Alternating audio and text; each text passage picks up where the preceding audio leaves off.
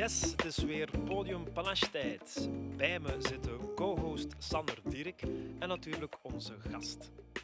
Voor haar poëzie mocht ze de Herman de Koning debuutprijs ontvangen en de driejaarlijkse Paul Snoekprijs voor de beste Nederlandstalige bundel. Haar werk werd vertaald naar Duits, Frans, Engels, Spaans, Afrikaans en Servisch. Ze schrijft op freelance basis voor de Standaard ter Letteren en doseert literaire analyse en essayistiek aan het Koninklijk Conservatorium te Antwerpen. Hier is Charlotte van den Broek. Goedenavond.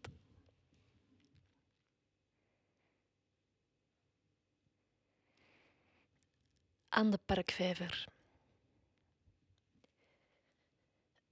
Twee roodwangschildpadden. Wie liet hen bij de parkvijver achter? In de zonplaats verzamelt het vrouwtje lichaamswarmte. Ontvankelijk kromt en spant ze haar huidoppervlak naar het licht. Verderop kruipt een mannetje met gezwollen keelzak, bulkende buit van worm en waterplant. Hij trekt haar aandacht. Uit een huidplooi in haar nek toont zij hem haar helrode vlek, haar markering. Hier begint de toenadering. Zij zet een trage pas in. Onder de opwippende schildrand deint haar kloaka. Omstandigheden dicteren de mannetjesblik, want het is mei en het park rond de vijver dicht begroeid. De blauwe waterereprijs bloeit open, gaan de kelklippen voor een kiemende vrucht. Zie haar. Soortgenoot. Exote. Onder de lila bloemblaadjes, strak gespannen en blauw dooraderd, schalkse schildpadheupen, trillende dauwdruppels op een schutblad. Vastberaden en driest volgt mannetje. Nee, struikelen doet hij niet over de uitlopers van de waternavelwortel. Verloren loopt hij in de slepende gele lijnen op haar billen, haar kuiten. De plagerij van dat opwippende schild, onmiskenbaar een uitnodiging haar te volgen. Langs de aronskelk, door de woekering van de kalmoes, tussen de bloeikolven. Gelig groen en overeind komt hij, dichter en dichter bij. Op haar hoede, uit een voorgevoel, omdat je best altijd even als je voetstappen hoort achterom kijkt, kijkt het vrouwtje om mannetje denkt, ja, ze wil, want ze kijkt. Hij waant zich in zijn volle recht, ontbloot nu op zijn beurt in zijn nek een kloppende, helrode vlek stilstand. Hier begint de balts. Hier gooit hij zijn nagels uit, traag genoeg, krabt zijn voorpoot in het zand. De kraslijnen trekken in trillingen over haar hals, roder, voller, dieper kleurt de vlek. Schaamte doet haar wegschieten. Bergaf, van de hellende oever het water in. Alsof het daarmee werd beslist, duikt mannetje haar achterna, naar het vijverbed. Iets wat belemmerd door het gewicht van zijn schild terwijl zij zwemt in een bochtige dans, wendbaar, manoeuvrerend, ontsnappingsgericht. Tot mannetje in een van haar bochten met de stoot van zijn bek ruw de achterkant van haar schild treft, au. Mannetje maakt gebruik van de pijn om nogmaals zijn voorpoten te strekken. Spant zijn jeukende nagels, vederlicht elektrisch, de vleugelslagen van een libelle, tinteling en zwelling trekken door haar hele lijf. Voor ze week wordt, moet ze de poten of zijn het vinnen of veren van zich af zien te duwen, maar alweer slaat hij zijn nagels om haar heen, om haar hals nu. Hij krauwt en krauwt. Zij houdt uit alle macht de streling af. En wie niet wil zien, denkt nu misschien aan een omhelzing. Terwijl zijn nagels dieper klissen, in haar huid, haar oksels, onder de schildrand. En zonder het te willen flakkert er iets in haar op. Een giftig genot, even maar laat zij de spanning in haar achterpoten los. Dan beukt zijn schild brusk tegen haar billen. Probeert mannetje bij haar binnen te dringen. Zwart en hartvormig zwelt zijn onderbuik, stulpt het geslacht uit, een monsterlijke buil. Het sleurt zijn hele onderlijf naar beneden, alsof hij recht komt te staan op twee benen. Zo beweegt hij zich vlot over haar heen, ook al strippelt zij tegen. Opnieuw. En harder bonkt de bult tegen haar schild, omhoog gekomen door de kitteling, door de kracht waarmee mannetje zich tegen haar aanslingert.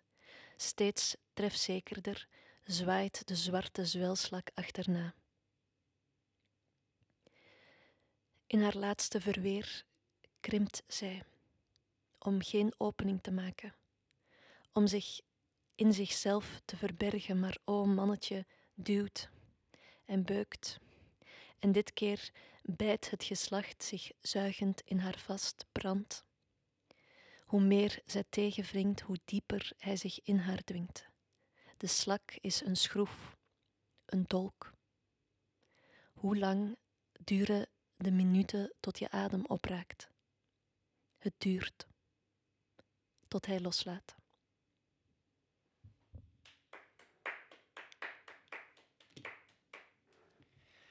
Dag Charlotte, dank wel voor uw performance. Hoe gaat het met jou? Um, goed, dankjewel. Kort antwoord. um, je bent iemand die veel optreedt. Hoe belangrijk is optreden voor jou? Um, erg belangrijk in die zin dat het um, de helft van mijn praktijk uitmaakt. Um, en het afgelopen anderhalf jaar is daar heel anomalisch in geweest, zoals dat voor heel veel dichters en performance en kunstenaars afwijkend is geweest, zeg maar. Ik heb ook een nieuwe bundel geschreven. Daar zullen we het vast over hebben vandaag. Onder andere, ja. En die is eigenlijk in, ja, in stilte ontstaan. Uh, normaal gezien is, mijn, um, is het schrijven van gedichten heel erg verbonden met het uitspreken van gedichten. Mm, met het bouwen van gedichten, zou je kunnen zeggen. en ga je dan ook je gedichten echt uittesten op podium, alvorens dat ze in een bundel komen? Of? Dat, gebeurt, dat gebeurde in het verleden wel zo, ja. ja. En nu um, ontbrak dat deel in, in de praktijk, zeg maar. Um, en ik durf wel zeggen dat dat nu ook anders is om deze gedichten voor te lezen. Ja. ja.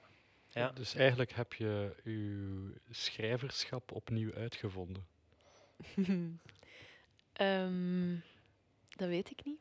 Of, uh, of het zo radicaal is, maar um, op een bepaalde manier is het wel minder uh, gericht geworden, denk ik. Ja, het is wel iets dat. Ik, ik, allee, ik heb uh, heel wat vragen in mijn hoofd voorbereid. En om dan meteen twee bundels over te slaan, uh, valt het mij wel zeer op dat. Um, ja, voor mij heb je echt een andere richting ingeslagen met, met deze bundel. Het is, um, ik vind het heel anders van qua opbouw. Qua, het, is, het is nog altijd Charlotte van den Broek. Hè. Dat is, daar is geen twijfel over mogelijk. Het is een authentiek werk. Maar ik vind wel dat, het, dat er een heel groot verschil is met de twee vorige bundels. En voor mij is dat vooral het, het meer autobiografische misschien, is er wat uit.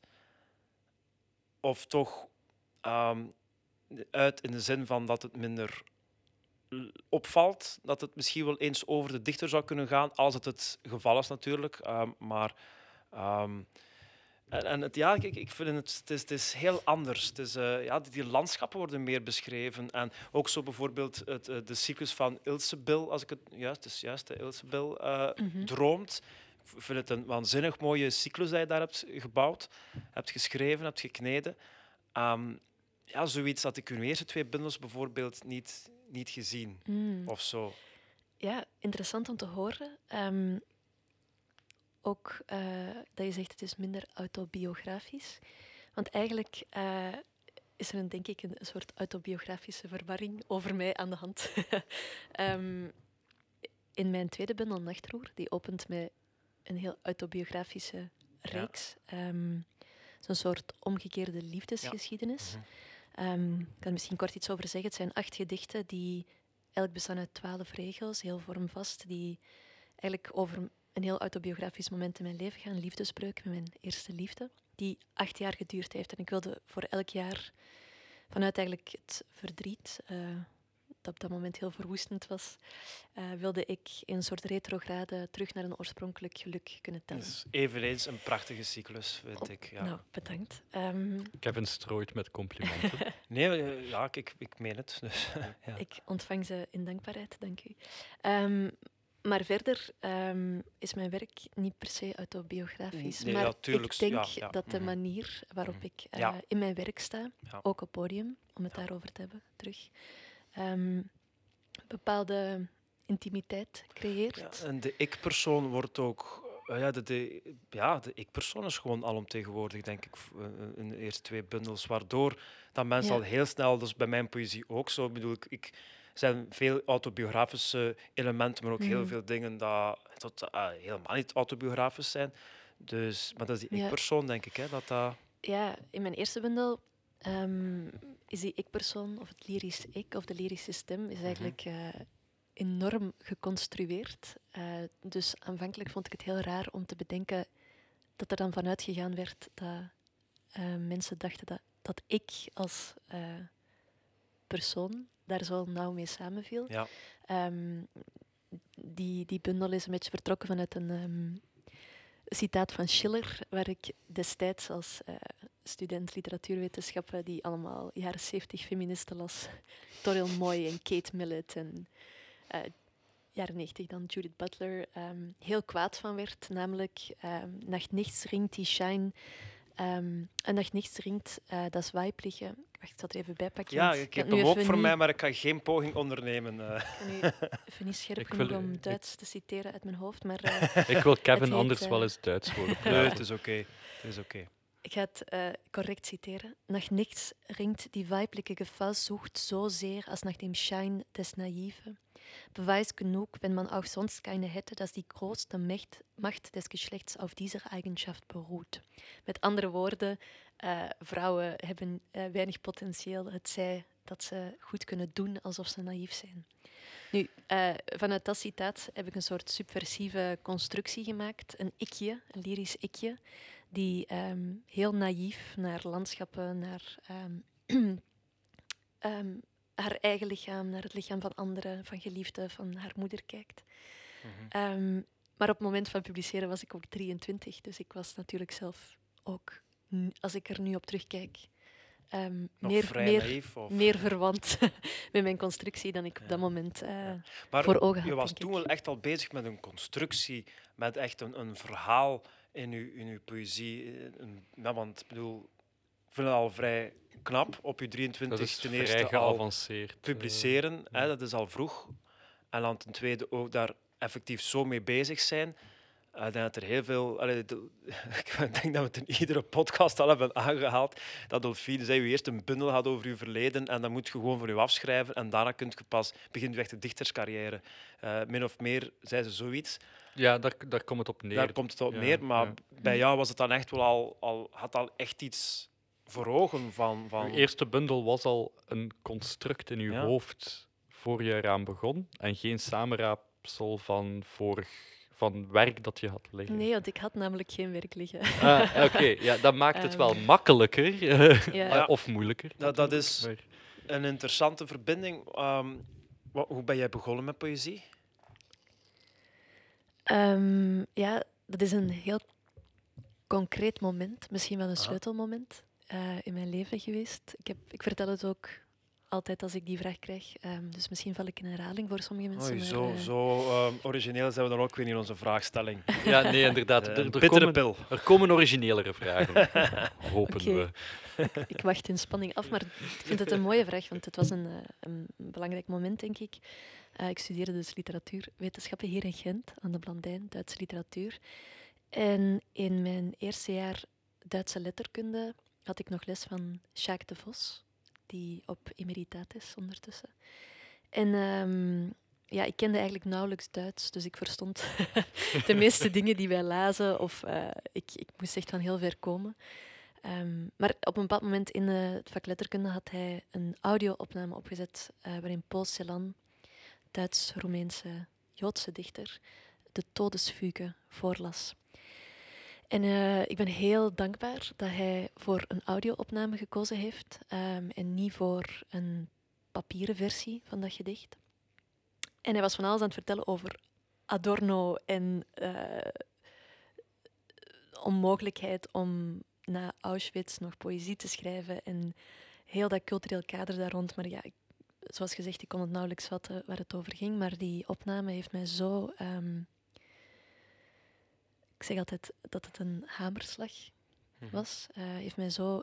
Uh, ik was daar kapot van en tegelijkertijd in beweging gezet. Um, het is een gedicht uh, dat zelfs als je de context of niet kan vatten, wat nog steeds moeilijk is, denk ik, um, is er zo'n sterke ritmische kracht in aanwezig.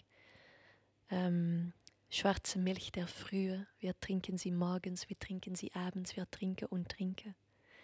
Der Tod ist ein Meister aus Deutschland. Uh, mm -hmm. ik, ik, ga het niet helemaal citeren nu, maar het zit uh, heel, is heel gedreven op herhaling en ellips. Ja. Mm -hmm. En um, ja, thuis, s'avonds, was dus... ik zo kapot daarvan en ook uh, overmoedig, hoogmoedig misschien zelfs. Dat ik dacht van, ah, ik moet nu iets doen, want anders... Uh... Ik dat moet poëzie gaan schrijven. Dat is prachtig als dat gebeurt. Je kan dat hebben... Ik heb dat ook vaak als ik naar audio-opnames mm. luister. Ik ben onlangs in het Paard van Troje geweest. Mm -hmm. En uh, veel te veel geld uh, gespendeerd. maar ze hadden een... Um, uh, vinylplaat van Allen Ginsberg, zijn mm. eerste reading van Howl, dat opgenomen is. Ik ben een gigantische Ginsberg-fan. En de, de, eerste keer dat ik dat oplegde, was ik gewoon extatisch door mijn woonkamer aan het meebrullen. Want ik ken het gedicht ook uit mijn hoofd. En dat kan echt ja, dat, het, goede voordrachten zetten aan tot schrijven, vind ik. Omdat drang daar, daarin zit. De drang om iets te zeggen, de drang om, wat je zelf zegt, om iets te doen. Dat als iemand goed kan voordragen, brengt hij dat in u los. En dat is een heel visceraal gebeuren. En zeker. En ook verslavend, hè, ook in zekere zin. Ik denk dat ik sindsdien altijd um, daar naar op zoek ben. Ja. Mhm. Gewoon erover praten geeft me, uh, geeft me kippenvel. Um, dat, en het is, wat, wat ik heel vreemd vind, is dat, het, um, dat, je, over, dat, dat je dat hebt gehad met Paul Celan. Dat, dat is wel een, een hele hermetische dichter. Ja, absoluut. Hè? Ja. Is wel een hele, ik, ik, ik, weet nog in het zesde middelbaar uh, gaf mijn voordracht lerares uh, Petra den Doven in Ottogracht gaf mij um, ik had daar um, zeg aan de kinderen dat wij niet deugen van uh, Leonard Nolens gegeven, ja. ja. gegeven als zo'n ja, mijn opleiding eindigt. Dus, en ik had daar een hele goede band mee. En zij had mij uh, Paul Celan, uh, een bundel van Paul Celan uit haar eigen bibliotheek gegeven. En ik ben dat beginnen lezen als, als 18, 19-jarige en ik verstond daar geen knijt van. En het is maar ja, de laatste paar jaar dat ik daar echt in ga. Ik, ik vind hem vrij hermetisch. En dat je dan mm. dat gevoel hebt. Ik heb hem nog nooit horen voordragen, dus het kan misschien daaraan liggen. Het staat op YouTube. Het, het staat op YouTube. Ik, ik, weet wat ik vanavond ga doen. Ja, hermetisch. Um, ik weet niet of je zijn werk per se um, vanuit theoretisch, theoretische hoek is er zeker verdichting, denk ik, aanwezig in zijn werk. Ja. Maar er zit ook enorm veel. Um, ja, zijn, zijn, biografie is uh, heel zwaar Um, zijn leven is ook zwaar getekend geweest. Maar in zijn poëzie zit ook zo'n. Ja, ik zou het vitalisme willen noemen. Um, in ritmering, maar ook in um, creatie. Hij gebruikt heel veel nieuw samengestelde woorden, wat in het Duits heel makkelijk gaat. Daar ben ik wel jaloers op. Ja, ja. Uh, en daarin zit ook een soort, uh, ja, voor mij heel krachtige um, levens, levens, ja, puls misschien, een puls, mag ik het zo noemen? Iets dat um, ook wil scheppen en wil um, laten ontstaan. Geeft hij de wereld dan door het vele gebruik van um, nieuw samengestelde woorden, geeft hij de wereld niet op een heel eigen manier vorm? Dan juist? is dat misschien, ja, het, het- de, hij geeft, ja, Duits laat het inderdaad makkelijker toe dan het Nederlands. Alhoewel dat wij ook iets of wat kunnen. Maar ja, het is een andere manier om naar poëzie te kijken. Een andere manier om te, om, om te creëren met poëzie, echt. Ja, ik, weet niet of het gaat over de wereld weergeven. Zijn, zijn wereld. Allee, Ja. ja, zijn wereld dan. Ik denk dat de wereld zo onmogelijk is, ehm, was vanuit zijn eh, perspectief, dat er gewoon een radicaal talige wereld, de enige mogelijke wereld nog was, denk ik. Maar ik ben ook niet. ehm, ik ben een lezer, ik ben geen expert op Ja, het nee, maar het van is- Poselan, maar- eh, ja, het is hoe ik het aanvoel. Ja. Ah, maar dat is gewoon heel belangrijk. Ik heb Mm. vaak mensen die, eh, die zeggen, ja, maar ik ken niks van poëzie. En mijn antwoord daarop is dan altijd, maar wat voelt je? En dat is voor mensen die iets van poëzie kennen ook van belang. Wat voelt je als, als iemand voordraagt? Als je niets voelt als iemand voordraagt, ja, dan raakt het u niet. En ja, dat, dat, dat mag.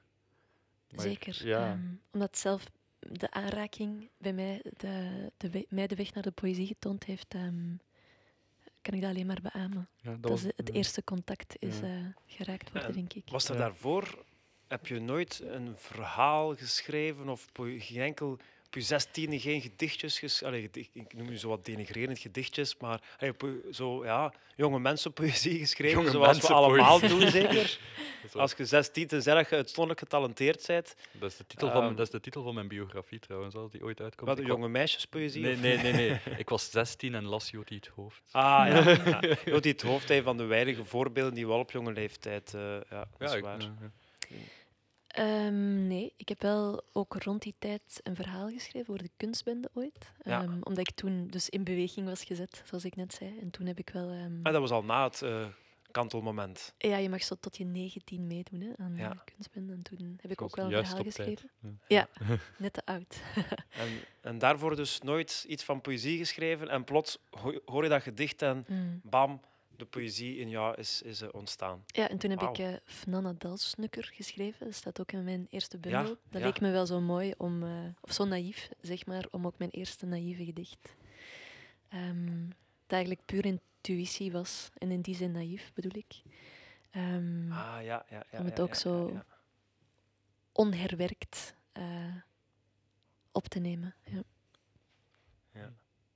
Ja, Niet herwerkt, gewoon ja, veel Ja. teksten uit die eerste bundel zijn... eh, ik geef het door aan Sander, want Charlotte haar bundel eh, is al enige tijd in mijn bezit, Chameleon. Dus eh, ik, ehm, en zij- hij is aan het lezen nu. Ik ben, Ehm, ik ben, hem, ik ben hem kwijtgeraakt tijdens een verhuis. dus sorry. het is je vergeven. Ehm, en oké, dus daarvoor, allee, hoe ben je eigenlijk bij taalletterkunde terechtgekomen? Want er was wel al een interesse in taal. eh allee, dat, onbeskenbaar, dat wel. Zeker, ik was ehm, een hele koortsige lezer. al sinds ik heel Ah, klein was al. Ja. Ik kon ook al lezen voor ik naar het eerste leerjaar ging. Echt? Wat? Ehm, ja, echt zo'n soort eh, Mathilde van Roald Dahl was ik als kind. Encyclopedies lezen en boeken waar ik eigenlijk niks van begreep, maar gewoon het lezen op zich. Ehm, en Maar dan zonder de superkrachten, Ja. veronderstel ik. ja, geen telepathisch, eh, Nee. telekinetisch vermogen zoals eh Mathilde had, nee. Ehm, en ik ben eigenlijk altijd op zoek naar manieren om meer met literatuur bezig te zijn. Ja. En taal en letterkunde kwam er toevallig aanwaaien als de ideale plek om, om nog meer literatuur te ontdekken. Ja, ik had ook geen andere talenten als lezen. Je moet, eh, eh, je moet in veel opleidingen zo eh, statistiek en wiskunde Ja, en zo, ja, daar was ik ja. absoluut Ah, ik ook. Dat- niet ja. getalenteerd in. En taal Lerarenopleiding. en letterkunde was de enige opleiding die, waar je geen statistiek had. Ik ben daar, daardoor taal- en regio-studies eh, Ah, gaan volgen, sinologie. Ja. Omdat, heeft het statistiek? Nee. Ja. Ja. Bij mij was dat daar een leerkracht. Hè. Geen wiskunde en je kunt voor een groep spreken. En dat waren de twee dingen dat ik graag deed. Geen wiskunde hebben en voor een groep spreken. Oh, wiskunde. Ik had in Ottogracht, secundair kunstinstituut, twee uur wiskunde en dat was twee uur te veel. Hmm. Dat was echt, ik vond dat verschrikkelijk. Pas op eh, eh, eh, aan onze luisteraars die eh, van wiskunde houden. Het, het lijkt me enorm schoon als je er talent of, of, of aanleg voor hebt, maar eh, Inzicht vooral. inzicht vooral Ja. inderdaad. Maar in, in een schoolsysteem waarbij dat ze het zodanig opdringen dat ze u laten blijven zitten of laten zakken, als het alleen met wiskunde niet goed lukt, ja, dan, dan creëert je een, een haat naar wiskunde, denk ik, bij een groot deel van uw bevolking. Hè. Denk, ja. Ja. Maar goed. eh, Talen eh, letterkunde omdat er geen statistiek was? Ja, Nee, voilà. omdat ik- Nee, om- omdat nee, nu lijkt het zo ex Nee, negatief, maar ik wilde eigenlijk vooral ehm, lezen. mhm. En Ja. wij lazen ook twee boeken per week. Ik deed zoveel mogelijk Wow. letterkundevakken. Ehm, dus ik heb gewoon vier jaar lang mogen lezen. En dat heeft mij ook eh, volwassen gemaakt. Mhm. Ik was heel ehm, ja, beschermend opgevoed. Eh, ik was ook nog nooit buiten Turnhout geweest, mijn geboorteplek, Mhm. voor ik in Gent kwam studeren. En, ehm, En ook nooit kwam gereisd. Gent of, aan, eh, ja. Vanuit de Kempen naar Gent. Ja. Turnhout Ja. is de Kempen toch? Hè? Ja. Ja, Zeker, waarom, dat is een wa- hoofdstad van waarom niet. Antwerpen? Maar omdat waarom ik een plek eigenlijk? zocht die in kilometers het verste van Turnhout af was. ja, snap ik. En ik had Ja. veel vrienden die hier kwamen studeren. Ah ja, ja. Ja. Wat dat heel vreemd is van heel veel mensen dat ik ken uit de Kempen, een van mijn beste vrienden is, eh, eh, komt uit de Kempen, die, die blijven daar zo heel krampachtig aan vasthouden aan de Kempen. Die, die is uit Rijke Vorsel. Dat is andere Kempen. Dat is andere Kempen. er zijn gradaties. Zeker. Ja. Ja. dus, en die, die is daar zo, nee, ik blijf voor de rest van mijn leven in Rijke Vossel, of Vessel, zoals dat hij het zo Rijke mooi... Vessel. Ja, ja. ja, Vessel. Gelijk dat hij dat zo mooi kan zeggen. Mm. Terwijl dat hij voor zijn job over gans België moet rijden. Hij is eh, een district manager, maar die, die, die rijdt overal. En dan moet hij altijd vanuit de Kempen vertrekken, wat dat na Geen Zeebrugge, gemakkelijke plekken. ja, na Zeebrugge en het einde van Limburg misschien wel de slechtste plek is om, eh, om uit te vertrekken om over gans België te rijden. Maar hij blijft daar krampachtig aan vasthouden. Hij zal zijn reden hebben, vermoed ik. Mm. Denk ik ook wel, maar ik vind het dan grappig dat jij zo ver mogelijk van Turnhout wou, Ja, ik snap wou dat wel. verwijderd zijn. Ik snap dat Mm. wel. Ver weg van waar, dat iemand, waar dat je iemand kunt tegenkomen. En waar, dat- ja, ja, ik snap dat wel. Om, eh, Ja, maar jij komt uit Ninove. Ja, allee, daaruit wil men ook weer eens vluchten, inderdaad. Ehm, en dan, dus, dus in uw eerste jaar al dat gedicht gehoord en dan koortsachtig beginnen schrijven eigenlijk. En, en hoe is dat van daaruit dan ontstaan, uw, uw eerste bundel? ehm, Mm. Want eh, je, je had al meteen een, een idee in je hoofd, zeg je, maar dat is dan wel op termijn pas ontstaan. Dat, Ehm, nee, ik had eh, dus dat ene gedicht geschreven van Mhm. Nadal Snukker. En ehm, nog, ik denk dat ik in totaal tien gedichten had of zo. Ehm, en toen ben ik op een bepaald moment beginnen voordragen.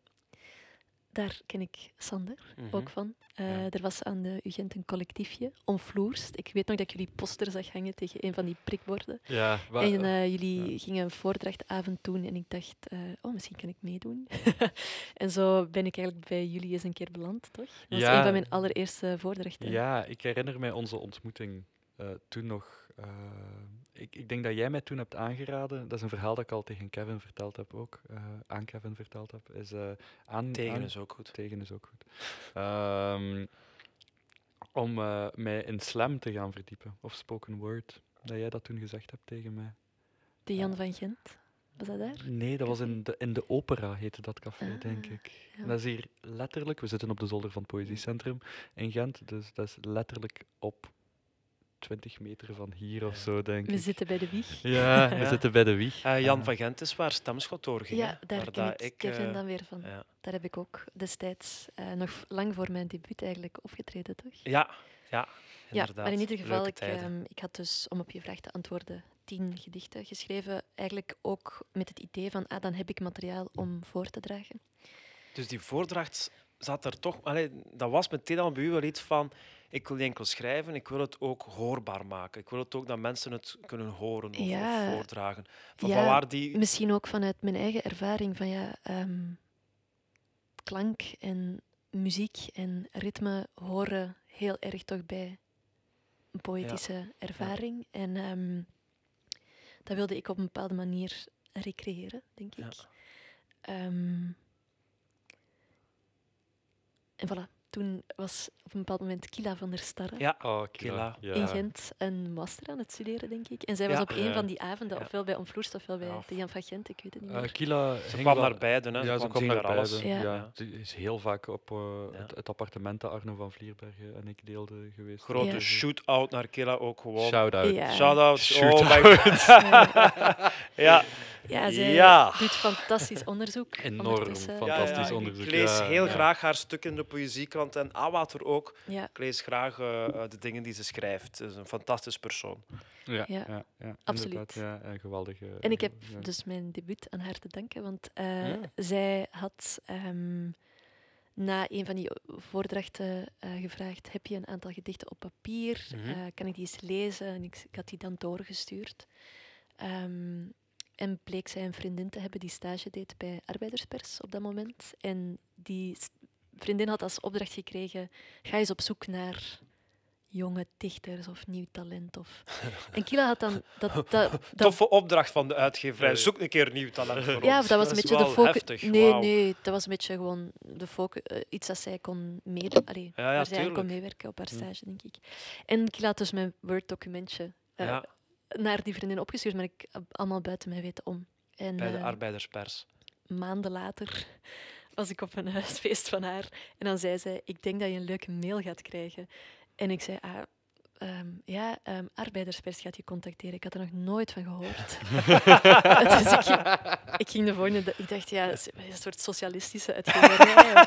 Wat dat ook geweldig zou zijn. ja, uiteraard. Maar, Ik word hier, godverdomme, de sossen komen mij lastigvallen om de politiek te gaan. En eh, de volgende ochtend had ik eh, Ja. de arbeiderspers gegoogeld en Mhm. bleken zij Pessoa en Louis Paul Boon Ja. uit te geven en gewoon echt, echt een uitgeverij te zijn. Dus toen werd Zeer ik heel zeker. nerveus. en toen eh, mocht ik op gesprek gaan. En heb ik mijn redacteur ontmoet, Peter Nijssen, waar ik nog altijd ehm, mee samenwerk.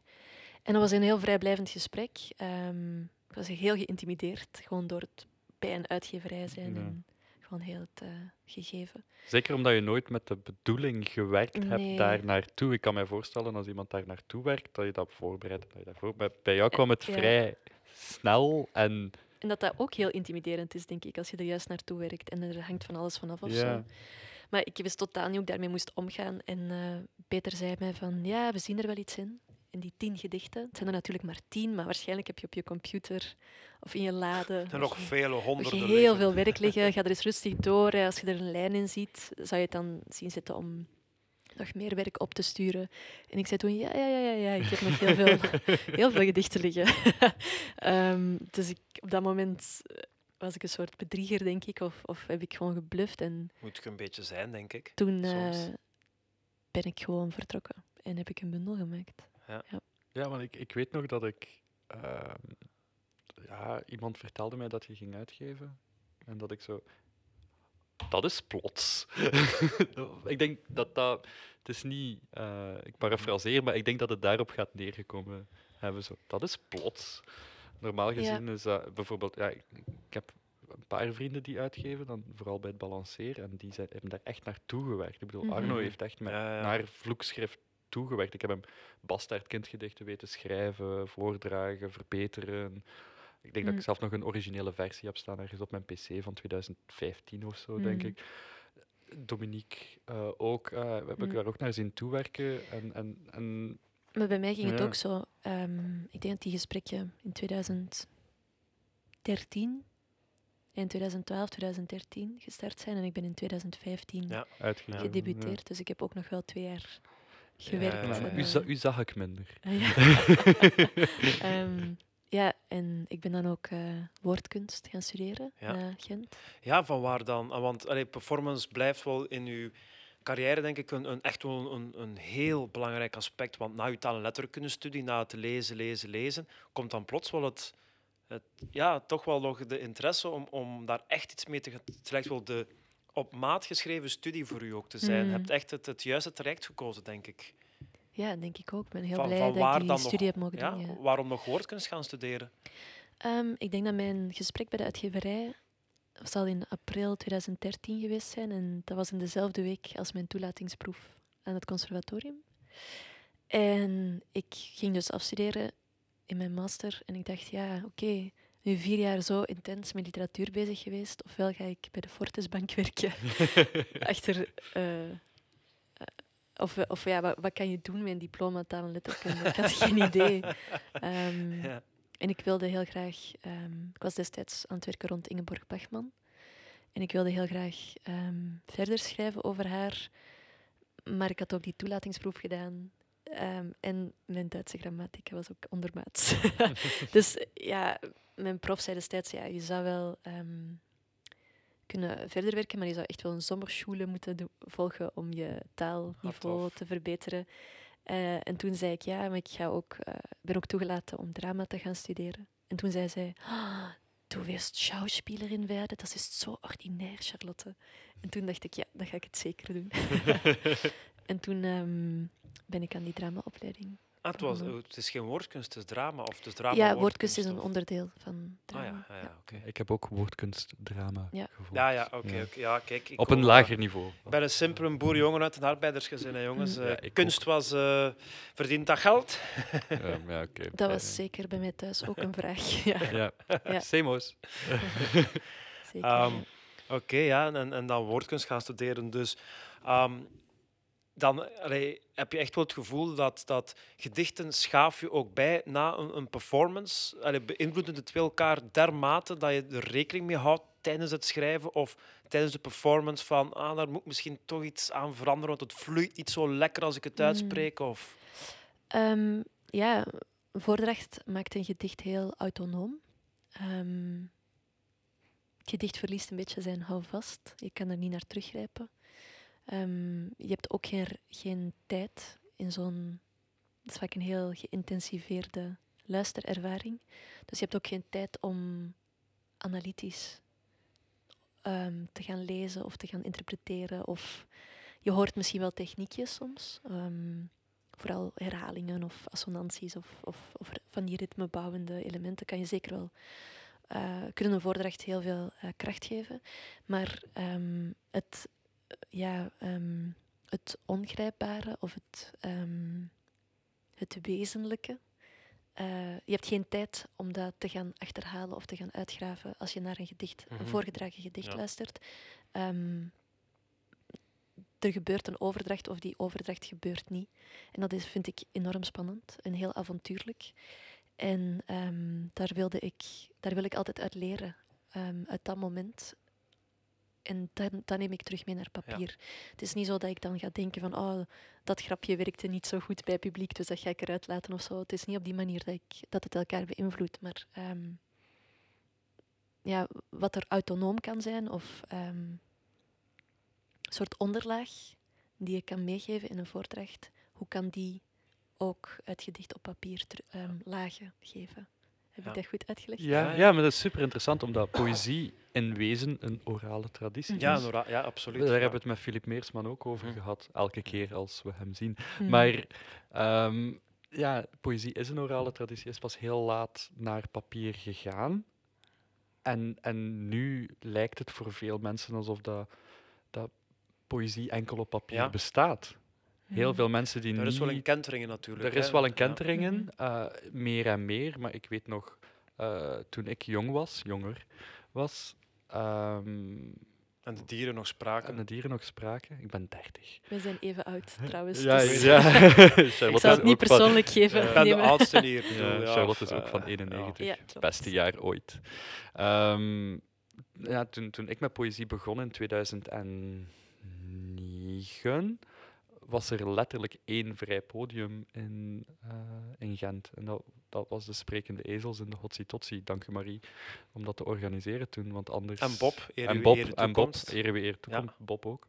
Ehm, en en eh, daar, daar is lange tijd niet echt een... een, een Maar er was daarvoor wel een, Ja. een florerende poëzie-scene. Hè? Eh, Ook met voordrachten in Gent. Ik denk dat dat vooral in, in fases is gekomen. Want ik heb ook al gehoord over, ja, er is nu heel weinig, maar vroeger in de Hostitutie ook, vooral natuurlijk het, het bastion van Klaus, eh, eh, eh, waren er ook wel... eh, hij hangt hier inderdaad eh, niet echt goedkeurend te kijken, maar... eh, Dat is, mijn, dat is een van mijn levensdoelen. Ja. Klaus die niet goedkeurend kijkt naar mij. ja, inderdaad. Ja. Maar ehm, het is wel een, een ja, ik denk dat het aan vlagen komt. De, de, maar echt een vrij podium, ja, ja, Ja, dat, dat weet ik niet eigenlijk ja niet. en maar ook sowieso, heel veel mensen hebben nog altijd een heel academisch beeld Mhm. van, van, van poëzie, denk ik dan. eh, het is hetgene dat ik, dat ik daar, toen dat we over Paul Celan bezig waren, Mhm. dat je ook zei Ja, van een ik ben geen saai Paul, beeld, toch? ja, gewoon? ik ben geen Paul Celan-expert.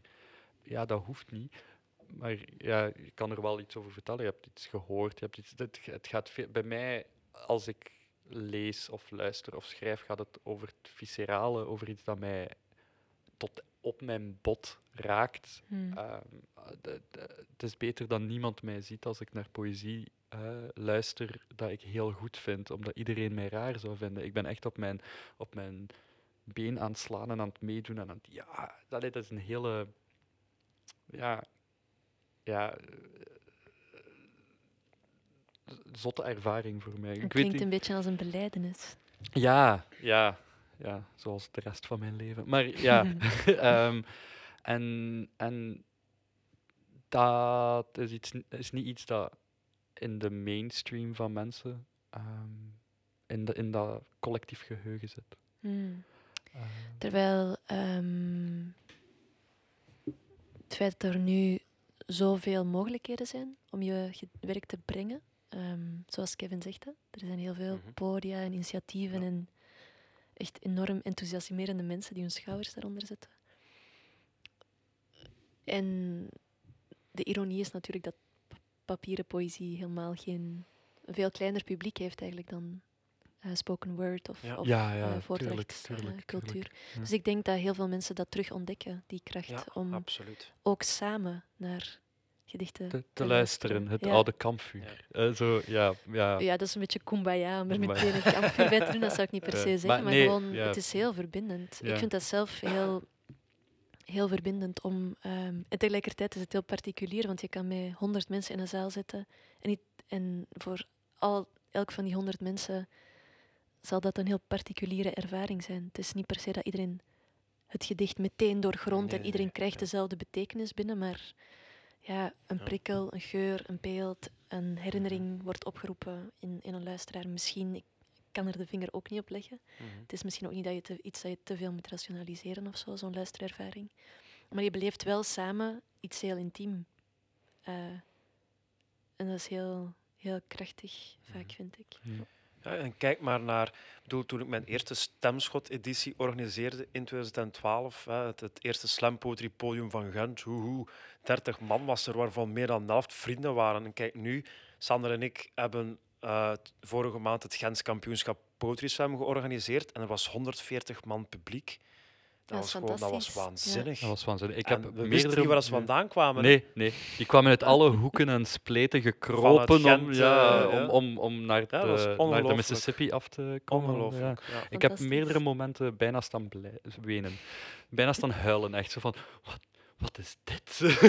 van, van waar komen Ja. jullie? En allemaal mensen die ik niet kende. Normaal gezien Ja. in Gent ken Ja. ik de meeste mensen die met poëzie bezig Het is zijn. een nieuwe scene, nieuwe lichting, ja. heel enthousiaste, jonge, gedreven mensen. Heel, heel tof. Ja, ja, Ja, het- dat was een hele leuke avond. Dat was een Goed hele om te horen. Ja, Ja. absoluut.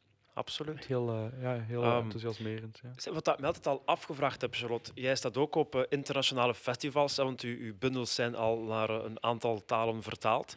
Ehm, hoe, hoe gaat het eigenlijk in zijn werk als je de, in het buitenland staat? Ik veronderstel, eh, ik, ik zie, de, ja, je bent vertaald naar het Servisch. Ik weet niet of dat je ook al eh, daar bent gaat optreden. Of, ja. Ja. maar draag je dan gewoon voor in het Nederlands, terwijl met achter u op de achtergrond vertaald, zoals op Poetry Slams? Of, hoe, of heb je ook al een Duits voorgedragen? Want je bent ook vertaald naar het Duits, naar Frans, denk ik ook. eh. ja, Dus hoe, ehm, hoe gaat het in zijn werk? Is dat altijd gewoon scherm achter u met vertaling? Ja, Of? dat is ehm, afhankelijk van het festival zijn er verschillende formules. ja. Ehm, In Duitsland draag ik vaak zelf gewoon in het Duits voor. ehm, of in het Engels ehm, kan ik ook voordragen. Mhm. Het zijn talen die ik spreek Ja. namelijk. Frans is moeilijker. Ehm, helaas, een beetje beschamend om te zeggen. Maar meestal willen ze ook dat je in je native tongue eh, Ja, ja, ja. gewoon ook voorleest. Want ja, het is heel anders. Hè. Een een werk in vertaling is een, een nieuw, een, eigenlijk een ander werk zou je kunnen Ja. zeggen. Maar er zijn dus twee formules. Ofwel, eh, inderdaad, zoals jij het voor je ziet, eh, draag ik gewoon in het Nederlands voor en is er een projectie met de doeltaal, dus het Servisch bijvoorbeeld, de Servische vertaling. Of eh, je treedt samen op met de vertaler, wat ook heel tof is, en je leest gewoon om en om. Ah, wauw. Waarbij de vertaler zijn of haar vertaling voorleest en ik het originele gedicht lees. En wie, vind- wie start dan? De vertaler of jij? Ik. Ja, Ja, oké, logisch. Ja. Ja. Wat vind je het leukste? Wat, wat is de leukste formule? Ehm, ja, sowieso hou ik er niet van als er ook tekst geprojecteerd wordt, want dan is het moment eh, doorbroken. Want dan wordt er toch ook gelezen. Ja. En is er automatisch afstand Ja, tussen ehm, de onmiddellijkheid Ja. van het voordragen en Ja. het, le- het lezen is een soort innerlijke monoloog. eh, terwijl het voordragen is een gesprek, zou Ja. je kunnen zeggen. Ja, vorige week was het Belgisch kampioenschap Poetry Slam en, en het is al mijn zevende of achtste keer dat ik ga kijken. En, eh, of, of erbij ben alleszins. En dat, dat klopt, dat gevoel had ik ook bij de Franstaligen. Het wordt dan geprojecteerd. Mijn Frans is inderdaad helaas... eh, het is goed genoeg om een brood te kopen, maar daar zal het ook bij stoppen. Maar dat kunnen we voor onze Waalse vrienden eh, nog ook al te goed zeggen. Dat heb ik daar ook weer gemerkt toen ik backstage was. Dus dat is, dat, is, ja, dat gaat in twee richtingen. Hè. Ehm, maar ik merkte wel inderdaad, ja, je bent echt bezig met te lezen om, om een idee te hebben waarover het gaat. En je wilt de Mm. woorden mee hebben, maar ondertussen verliest je je focus op hun voordracht. En ehm, dat is heel, heel moeilijk om, om Ja. die twee te combineren. Dat, dat gaat niet. Als ik uit mijn Duitse vertaling voorlees, dan, en er is tijd, want ik vind het heel belangrijk om mij aan mijn tijd te houden, dan eh, lees ik altijd graag eerst eh, zelf het Nederlands voor, maar ook daarna zelf het Duits nog eens voor. Ja. Sowieso is het goed om een gedicht twee keer te horen, denk ik. Ja, natuurlijk. kan, kan maar iets opleveren. Ja, En dan eh, kan je de eerste keer op een soort muzikaliteit luisteren, op een heel intuïtieve manier, en de tweede, want je verstaat de taal niet. En Ja. de tweede keer kan je dan horen waarover het gaat. ja dat is wel leuk. In Ja. zoverre Dat je dat kan... eh, Dat is een grote toevoeging. Denk. ik. Dat is een meerwaarde voor een optreden. Ja, ja, Absoluut. sowieso. Maar ik, ik heb bijvoorbeeld ehm, heel veel eh, optredens in het Engels gezien. Ik heb een hele lange tijd in Londen rondgedwaald. Ehm, en als niet-native speaker heb ik, zelf als ik, ik, ik beheers het Engels heel goed, nog altijd een iets of wat van afstand. Dat gecreëerd wordt omdat het niet mijn eigen taal Ja. is. mm. Mhm. Ehm, die, die afstand zit daar wel iets of wat in. Niet tegenstaande dat je de taal goed begrijpt, vind ik. Omdat dat ook een van de mogelijkheden is natuurlijk dat je, die, die je kan eh, Ja, het is toepassen. eh, sowieso heel moeilijk hè, om poëzie in een andere taal te lezen, te horen, het, eh, hetzelfde aan te voelen als in je moedertaal. Dat is sowieso een, eh, een hindernis, denk ik. Ja. Je mist vele nuances. Hè. Dat, dat, allee, je bent niet opgegroeid en, en zijn Ja, niet mee. nee. Ja, dat is anders, sowieso. Nee, dat is muziek in het Nederlands die degelijk is. Gaat mij bijvoorbeeld ook makkelijker raken dan muziek Ja. in het Engels, die ik veel meer luister. Want die is veel alomtegenwoordiger Ja. dan, eh, Mhm. dan, dan Nederlands, goede Nederlandstalige muziek. Ehm, dat is een waardeoordeel natuurlijk. Ehm, ja, er zit wel een afstand in, vind ik. Niet tegenstaande dat ik bijvoorbeeld bij Hal van Ginsberg wel volledig los kan, gaan kan gaan, zit die, die, ja, die afstand er wel nog, omdat de nuances snap je wel en dergelijke, maar er zijn altijd, ja, sowieso, een gedicht is geschreven in een bepaalde tijd en ja, ja, ja, allemaal redenen waarom dat je niet meteen mee bent of dat je, ja, Mhm. omdat je corpus anders is. Ehm, ehm, maar je voelt wel nog altijd. Dat is net hetzelfde dat je zegt van iemand kan naar een gedicht luisteren die eh, en het gedicht niet begrijpen, maar wel naar de musicaliteit en toon Het is wel nog een andere ervaring dan, het, dan de twee te ja, te volledig te samen te hebben, Ja. vind ik dan. Ja, dat kan ik mij ook inbeelden. Ja. Ja. inderdaad. Uw, ehm, allee, ver- zo, vertalingen, hoe komt dat tot stand feitelijk? Dat is ook zo van, ja, we hebben nog niet zoveel dichter hier bij ons gehad die vertaald zijn. Ik denk dat, ja, Filip heeft zijn bundel in een andere taal geschreven, dus dat is ik denk dat je de eerste bent. En ja, die, Dus, die vertaald is geweest, echt. Dus ik ben wel benieuwd naar het proces. Hmm. Hoe, eh, hoe- komt dat tot stand, zo'n vertaling? Ja, bij mij is dat, ehm, ik denk ik heel veel geluk heb gehad daarin. Ehm, bij mij hangt dat allemaal samen met de Frankfurter Boegmessen, waar ik in 2016 de openingsreden samen met Arno Grunberg ehm, heb mogen houden. Toen was Vlaanderen gastland op een Ja. grote internationale boekenbeurs. Ja. Eh, waar dus ook eh, heel veel uitgevers ehm, samen troepen. En je Ja. hebt dan in het Duits voorgedragen, of nee? Ja, Ja? maar dat was geen poëzie, dat was een soort eh, dialoog die wij samen Ah. geschreven hebben. Oké. En ehm, het is zeker niet zo glamoureus als het lijkt, want niemand was geïnteresseerd in de rechten van mijn poëziebundeltje Chameleon. Ik had destijds maar één bundel. Maar ik ehm, was naar aanleiding van die performance ook weer wel uitgenodigd op eh, verschillende festivals Mhm. in Europa. En ehm, ook Poëziecentrum bijvoorbeeld hier is ehm, aangesloten bij een heel tof Europees platform, Versopolis heet dat. Ja, ja, Ja, ja, ja. En ehm, ik was ook weer naar aanleiding daarvan, denk ik, opgenomen in de poelen van Versopolis-dichters. En ehm, veel festivals maken ook altijd een programmaatje rond Versopolis, waarbij er dichters uit allemaal verschillende landen samen mogen optreden. En ik heb eigenlijk telkens... do- ik heb heel veel festivals gedaan, ik denk 17 op anderhalf jaar. Dus ik heb echt veel... Het, het ene kwam altijd het andere voort en zo bleef dat een beetje aan de gang of zo. Ja, ja. En ehm, ik heb op een aantal van die festivals zaten er poëzieuitgevers in de zaal. En zo is dat allemaal een beetje organisch eh, opnieuw vanuit performance gegroeid. Ja. Ja. Dus Mhm. Ja, performance is voor u echt, ja, ja het is zo wel een constante in uw bekijkt, ja. schrijvers. En eh, ook gewoon heel carrière. belangrijk, Ja, ja. ja. Absoluut.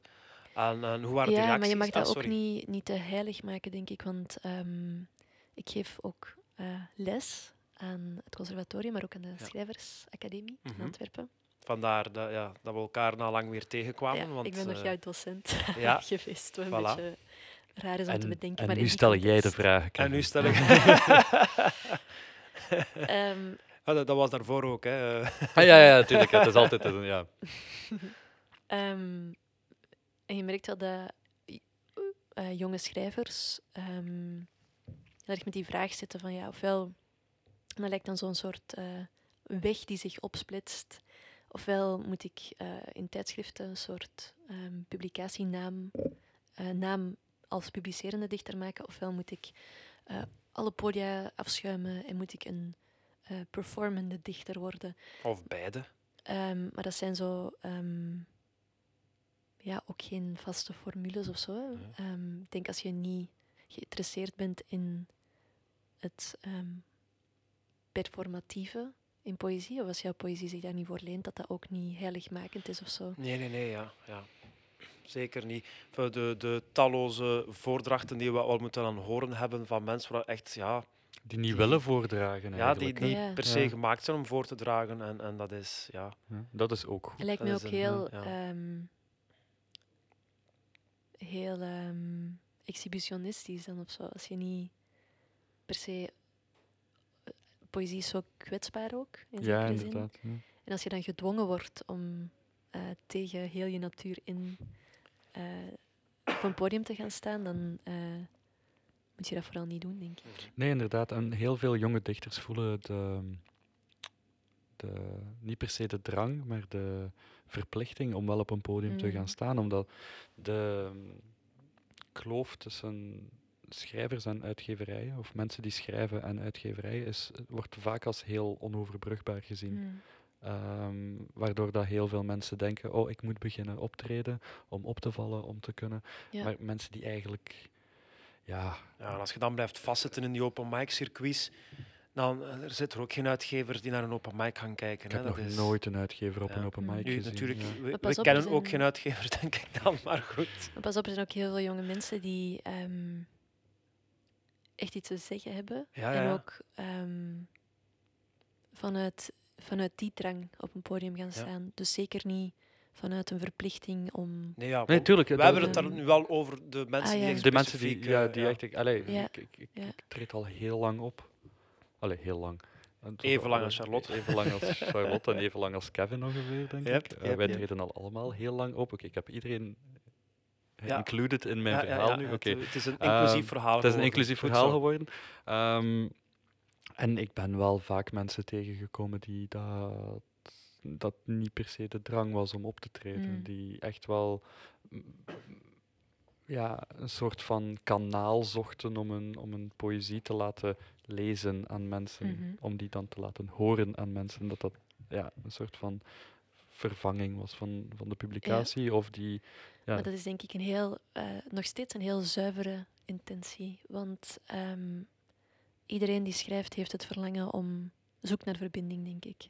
tuurlijk. Zelfs tuurlijk, mensen die ja. dagboek schrijven, die zoeken naar verbinding met zichzelf. Eh, Ja. Dus die, alles wat je op papier, het op papier schrijven is ehm, kleur bekennen. Je, wilt, Mhm. je schrijft iets op omdat je iets wilt delen.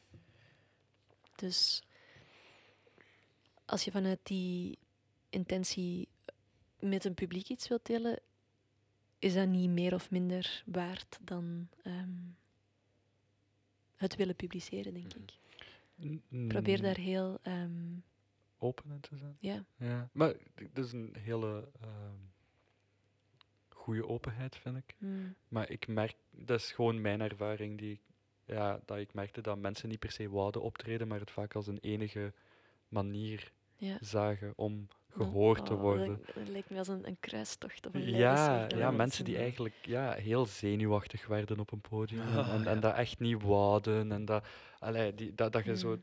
dat, dat je echt zag van dat ze weg wouden van het podium. maar- en- maar Ja, als- maar wel super moedig of zo. Maar heel moedig, enorm moedig. Ja, moedig. of gewoon Ja. uw enige uitweg. Als je niet als je opstuurt naar magazines, maar blijft geweigerd worden, je stuurt op naar van die kleine wedstrijden, maar ook je raakt nooit in die bundels, Mm, uh, dan is het podium uw enige manier nog eigenlijk om je gedichten heel, op heel directe manier op, ja, voor 30, 40 man tenminste te brengen. mm. Anders blijf je maar met je gedichten zitten.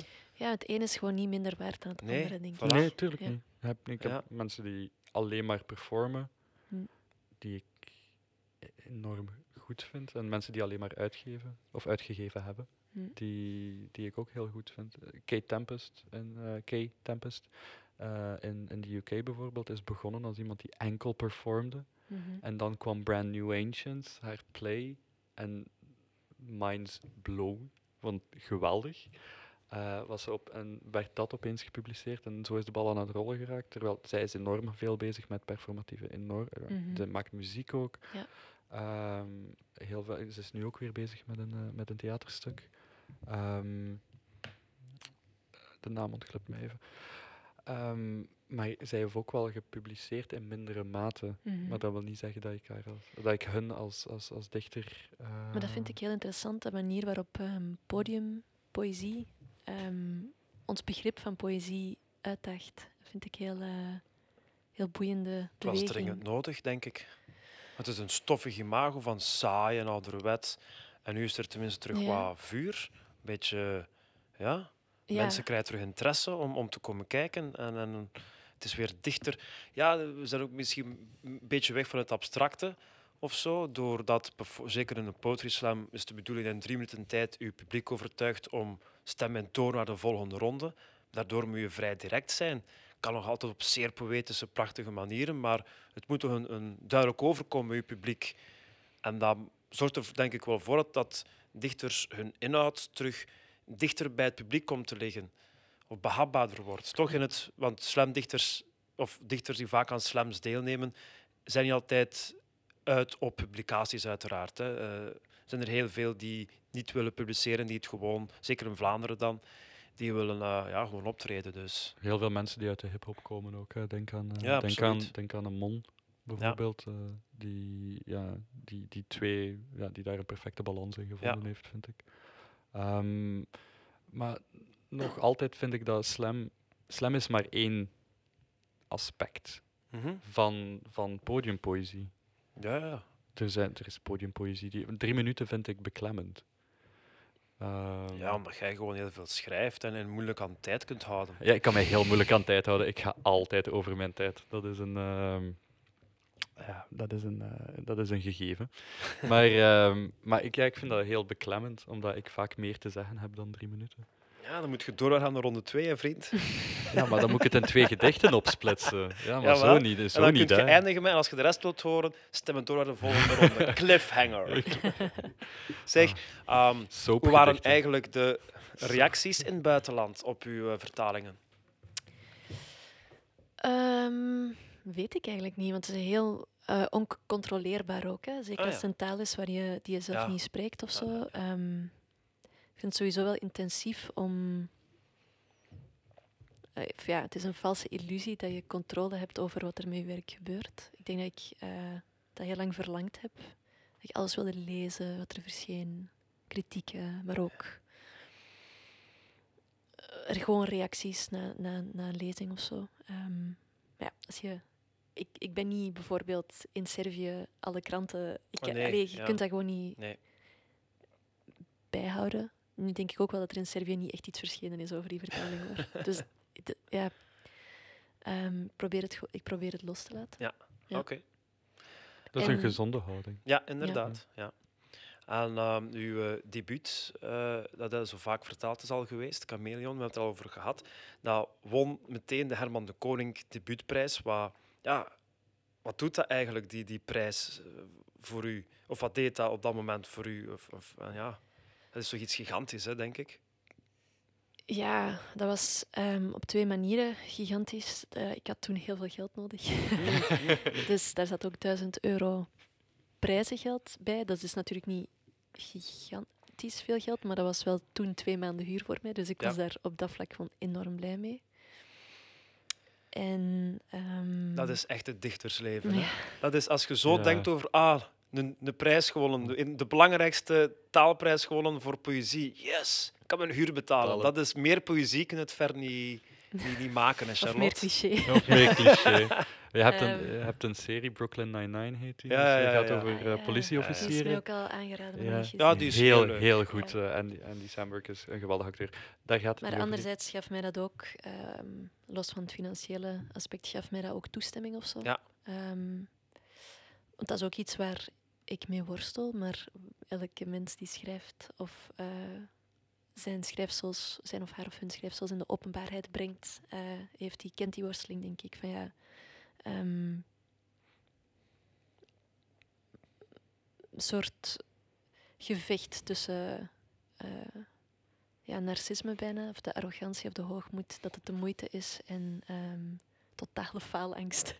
Misschien zijn die in mij ook wel En heel extreem dat het aanwezig. Ehm, schrijven de moeite waard is, of dat je iets wilt betekenen, of, of, wat, of hoe moet ik het precies zien? ja, je, je gaat er ergens toch van uit dat het het het waard is om gelezen te Ja, worden. ja, ja. ja, Ehm, ja. Ja, Ja. dat is zo de... En dat is dan die, Ja. ultra bev- die ultieme bevestiging, is het winnen van eh, zo'n prijs dan, op dat moment. Ultieme bevestiging niet, want ik kan heel slecht omgaan met bevestiging. dus het was niet zo dat ik dacht van... eh, nee, dat niet, maar het gaf mij toestemming. Ik denk dat dat Ja, een beter woord is dan Toestemming, bevestiging. to- ja. to- toestemming is een hele mooie manier om het te verwoorden. Ja, allee, ik gaf mezelf toestemming Ja. door, door die prijs. Dus dat was wel heel belangrijk, inderdaad. Ja. Het is oké dat je schrijft. Zo. en Ehm. ermee naar buiten komt. Ja. Ja. Dan, eh, u, ja, maar bij uw Of tweede het bun- is oké dat ik het nog eens ga proberen, vooral denk ik. Ja, voilà, mij. want uw tweede Ja. bundel, hè, daar, daar belanden we dan al, al- als het ware vanzelf bij. Mm. wat een- Prachtige een- overgang, Wat een Kevin. prachtige Oh, overgang prachtige alweer, overgang. ja, inderdaad. Ah, Nachtroer, hebben we het al een beetje besproken. Het, ja, je hebt me al gezegd, ik zat zo, toen ik mijn, mijn eigen bundel, eh allee, op een gegeven moment zei tegen mij, ja, allee, ik vond mijn eigen thema cliché, maar jij zei, ja, kijk, mijn tweede bundel ging over, deels over een liefdesbreuk. En dat is toch een onderwerp dat in onze letteren ja, vaak als cliché- clichématig wordt aanzien. Maar toch heb je dat ja, op een schitterende wijze neergezet. En je wint daar ook de, de Paul Snoek-prijs mee. Hoe, eh, hoe pakt je dat eigenlijk aan om een thema te hebben waarvan je op voorhand weet, het controleert mijn leven, maar het is eigenlijk een, een platgereden thema binnen de poëzie. En, en dan toch de ballen hebben om te zeggen, nee, ik doe dat gewoon. Ik ga er gewoon iets over schrijven. En, en, want dat is mijn gevoel. Hoe, hoe, met welke ingesteldheid begint je daaraan? Of, of Oh. hoe pakt je dat aan, zoiets? Want dat lijkt mij geen sinecure. Ik was mij, zoals alle mensen die diep in eh, liefdesverdriet zitten, op dat moment ben je totaal... Je bent een cliché, dus je bent je totaal niet bewust van. je, je hebt niet zo de, de zelfreflexieve reflex om Ja. dan je, je gaat te gaan verhouden tot andere mensen hun verdriet of zo. ja. Eh, dus ik was eigenlijk daar niet echt mee bezig van, ah, kan ik hier wel over schrijven of eh, is het niet overbodig dat ik hier ook nog over schrijf? Ja. Ehm, in die zin, om het even terug te koppelen naar dat autobiografische, in die zin, ehm, geloof ik soms wel dat poëzie eh, geladen kan worden door het leven. Mhm. Is niet alle kunsten. Oeh, gevaarlijke uitspraak komt eraan. Een uitspraak over kunst in het algemeen. Ja, een, een, een weerspiegeling van uzelf in de samenleving. En in alle aspecten, dat kan daar toch nooit buiten staan? Mm. Nee, en Of begrijp ik het verkeerd? Die, die, die, die, allee, die mogelijkheid bestaat dat ik het verkeerd begrijp. ja, dat is nu meteen eigenlijk eh, een heel ideologische gevolgtrekking. Ehm, maar in die zin sluit het ook wel aan bij de bundel, want die, die eerste acht gedichten, die autobiografische gedichten waar ik het over had, zijn een soort opmaat. Waarin ik eigenlijk dat gevoel ehm, ook naar een soort filosofische, of ja, mijn eigen gevoel van ontheemding dat ik had Mhm. door die relatiebreuk, heb ik in de rest van de bundel die eh, na die opmaat komt ook opengetrokken naar een soort ehm, ja, breken van verbindingen, breken van taal, eh, breuk tussen dag en nacht. ehm, Ja. Tussen mm, concreet dag en nacht, maar ook eh, dag en nacht als ja, filosofische ruimte, zou je het kunnen Mhm. zeggen. Ehm, stad, ehm, Ja. Nachtroer ook. de nachtwinkel Ja. ja, in Antwerpen, waarnaar de bundel vernoemd is. Ja. Mhm. Dus in die zin ehm, ho- hoop ik alvast dat het het particuliere overstijgt en ook wel Mhm. terug iets eh, inderdaad over een breder onderwerp eh, reflecteert. Ja. Maar een particuliere ervaring kan voor iemand anders enorm veel waarde hebben.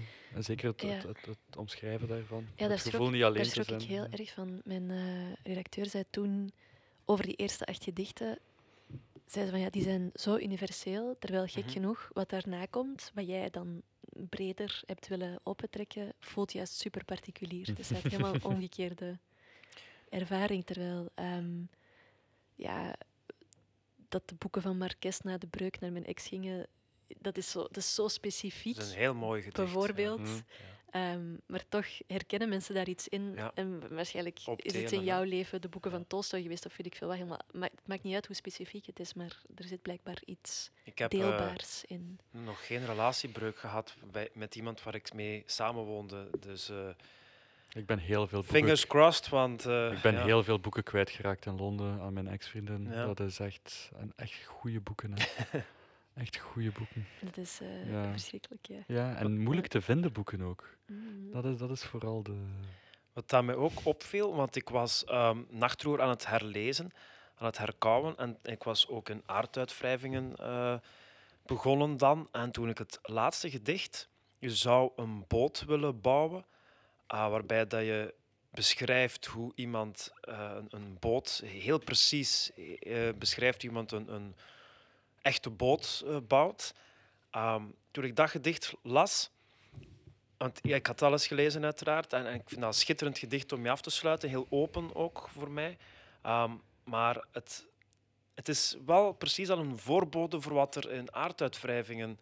eh, want ook daarin beschrijf je, net zoals het gedicht je vandaag hebt voorgedragen over de schildpadden, het is, je beschrijft het gedrag, wat dat ze doen wanneer, bij het paringsmoment, hoe het in zijn werk gaat. En doe je ook vaker in een bundel.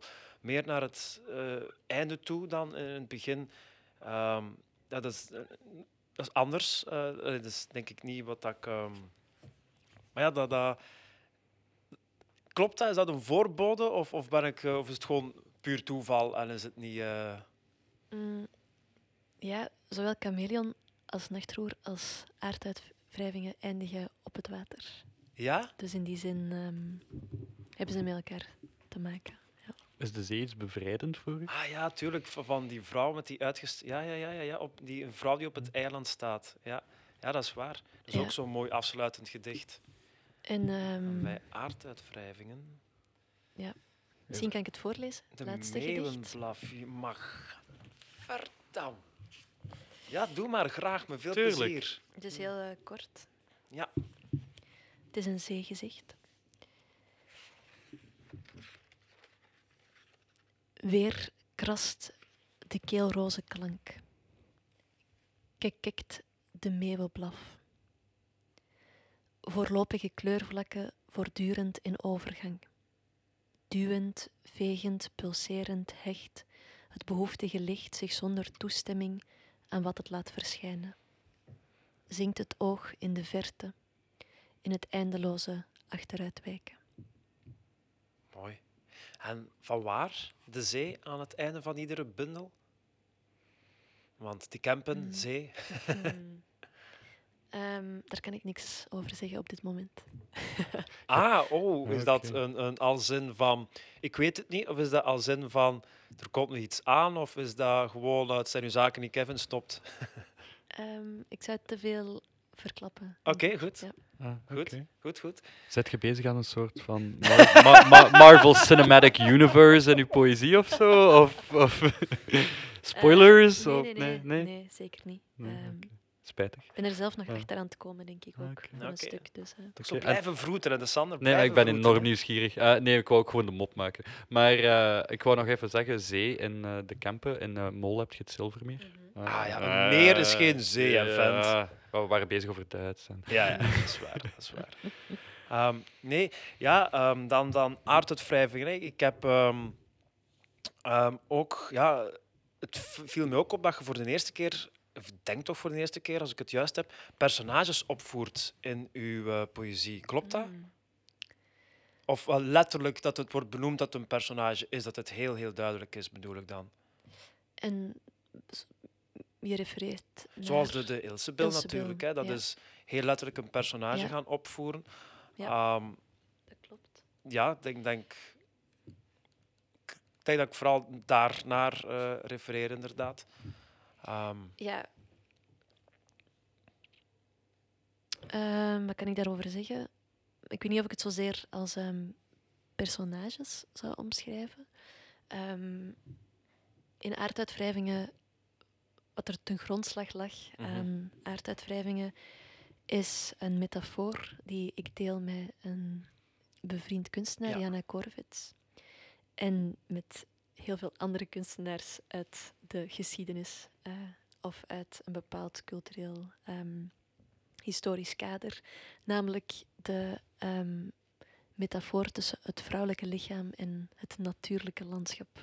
Heel oudbollige, ouderwetse, eh, gevaarlijke metaf- metafoor ook, omdat die... Maar je houdt wel van een clichétje dat je kunt... Ja, die, nee, ik hou, er- ik hou van subversiviteit en van omkering. Daar hou ik van. Ehm, en net als in Chameleon, waar ik dacht, ja, oké, een vrouw is schijnbaar naïef, dat is reducerend, maar eh, ligt daar ook geen strategie in? Of zit daar ook geen subversieve kracht in, Ja. om het zo te zeggen? En die metafoor, eh, ik verhoud me eigenlijk hetzelfde tot die metafoor tussen het vrouwelijk lichaam en het natuurlijke landschap. Ehm, uiteraard, als je in een binair denkkader plaatst, ehm, ben ik daar niet mee akkoord. Eh, dat is een heel patriarchale manier van naar een vrouwenlichaam kijken. Maar eh, het tegenovergestelde, als we dan aan matriarchale culturen denken, dan eh, denken we aan vruchtbaarheidsgodinnen of aan almoeders of aan Ja, de Venus van Willendorf. Inderdaad. Komt ook voor in Ehm, uw bundelen. De almoeder wordt ook ja. letterlijk genoemd. Hè. Maar dat is evengoed een constructie. Mhm. Ehm, Ja, Dus ik ja. heb die metafoor ehm, nog eens, ik wil wel zeggen opnieuw, maar nog eens is beter, denk ik, nog eens willen bekijken ehm, in de gedichten. En eigenlijk willen, heb ik willen spelen met eh hele dunne grens tussen ehm, wat is waarneming? Wat is de waarneming van een landschap, maar ook van een vrouw? En wat is, eh, wat is en wat is constructie? En wat is geconstrueerd beeld? En hoe. ehm, je kan een beeld gaan deconstrueren. Dat doe ik ook, denk ik, in enkele gedichten. Maar dat is eh, nog altijd binair of zo. Eh, dus hoe, kan ik daar dan nog voorbij proberen? ehm, kan ik daar ook iets tegenover zetten? Tegenover het, ehm, het construeren en deconstrueren van vrouwenbeelden, om het zo te zeggen. Ehm, Hoe enorm uitgedacht zijn uw bundels? Daar verschiet ik wel iedere keer van. De concepten zitten wel heel goed, heel goed in elkaar. Ehm, ja, ik weet niet of het echt een concept is. Het is Ja, misschien nee, meer ja, een denkkader. Mhm. Ehm, Een methode? Ja, ja, ja. een methode misschien ook, ja. En die personages, eh, om op je vraag te antwoorden, want ik had weer al een lange omweg genomen, Oh, nee. die eh, sta- staan eigenlijk, ontstaan eigenlijk vanuit die wens om eh, iets te tonen en iets af te breken en iets om te keren en Ja. iets De- nieuw te zeggen. Ja, zoals je aanhaalt, het vrouwelijke in, in de bundel is zeer belangrijk. Is dat iets dat voorkomt uit de tijd waarin we momenteel die, die ontstaan is, waar dat ja, eh, feminisme is al iets dat al, al lang bestaat, uiteraard, maar dat de laatste jaren terug een, een goede, ja, terug een, een gezonde opmars aan het maken is, een nodige opmars aan het maken is, heel erg nodig, denk ik. Heeft, heeft het daar iets mee te maken dat, dat het thema toch daar ergens u heeft aangesproken? Of heeft dat iets in gang gezet bij jou ook? Of? Ehm, ja. Ja. ehm, maar het gaat ook al mee sinds eh, Ja, ja het sinds citaat Chameleon. van ja, Schiller inderdaad. en eh, Ja. Mijn studie Ja. Duitse literatuur en mijn thesis rond Ingeborg Bachmann in de jaren 70 Waar je toen al tegenkwam. Ja. Ehm, mm, maar om op je vraag te antwoorden. ehm,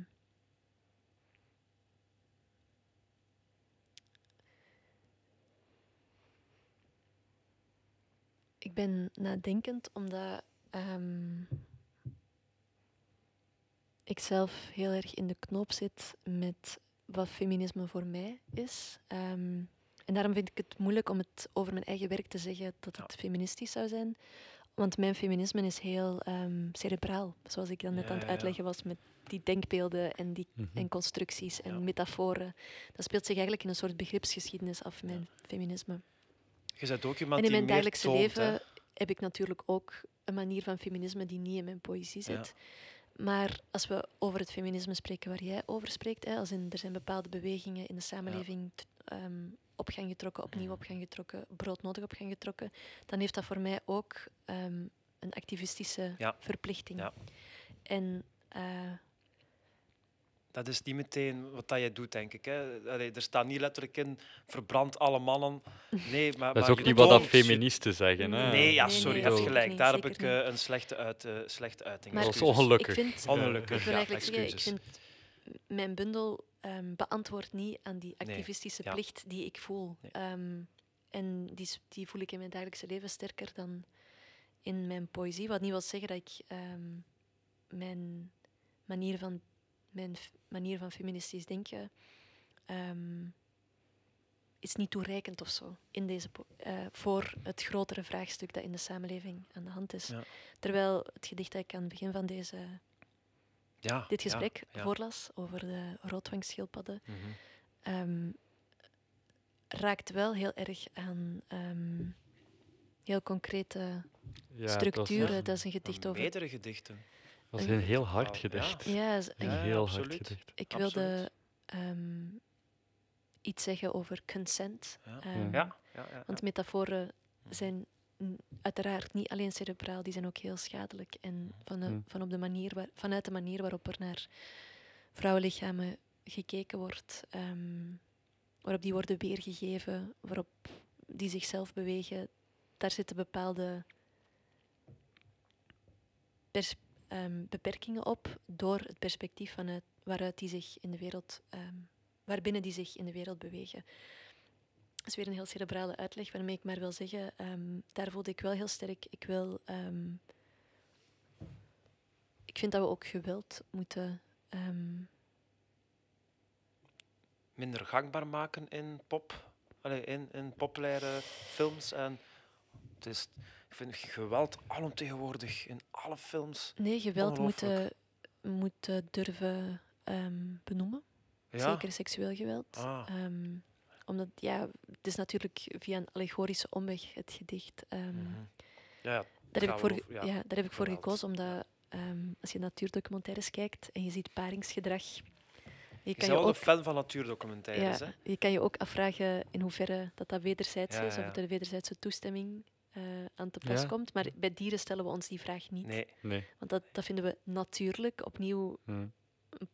problematisering van, wat- is dat dan natuurlijk? Daarover heb ik nagedacht na u, het, het lezen van het gedicht over de schildpadden. Van ja, er is, dacht ik, het is gruwelijk beschreven. Leeuwen hebben, mannetjesleeuwen leven hebben denk ik, weerhaken soort van aan hun penis om, om zich vast te klampen aan, aan de vrouwelijke leeuw, honden dacht ook, ik. Honden, Hon- dat is, Honden ook. ja, dat is zijn absurde manieren die die, die evolutie blijkbaar Mm. dan heeft laten ontstaan om toch maar die voorplanting te gaan tegen wil en dank dan blijkbaar Hmm. te gaan eh, bewerkstelligen. En, maar ik heb nog zitten nadenken van ja, maar schildpadden zijn dan toch zo afgesteld, kunnen daar niets aan doen, hebben geen moraal besef, toch niet voor zover dat wij weten. En ja, ik ben er wel mee bezig Dan zijn geweest. met iets, bezig eh, eigenlijk in, ook. hè. in werking gesteld.